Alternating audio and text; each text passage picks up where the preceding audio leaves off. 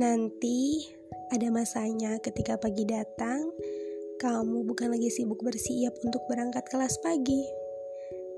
Bukan juga sibuk bersiap datang ke kantor lari-lari.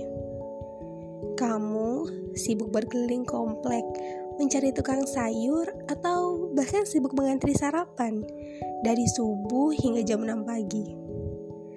Hanya dengan berjalan kaki, dengan baju rumahan dan badan yang sudah wangi pulang dengan membawa belanjaan di tangan kanan dan kiri. Kamu sibuk menyiapkan makanan di meja, takut-takut ada yang kesiangan dan belum sarapan. Melihat orang tersayangmu pergi menjalani rutinitasnya dengan perut kenyang adalah hal ternyaman bagimu di setiap hari.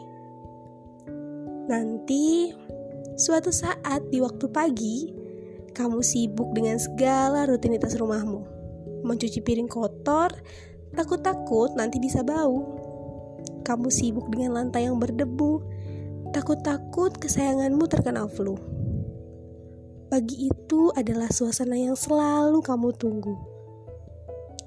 Nanti, suatu saat di waktu pagi, seseorang yang sudah lama kamu tunggu bebas kamu ajak untuk bertemu.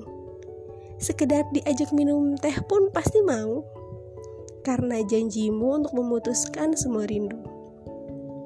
Nanti, suatu saat di waktu pagi, akan ada cekcok kecil yang kamu temui.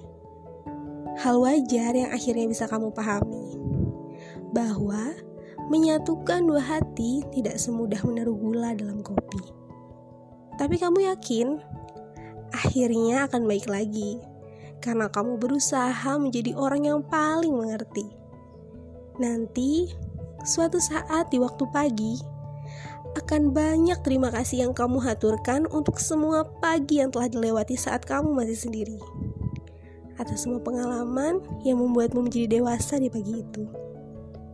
Nanti, suatu saat di waktu pagi.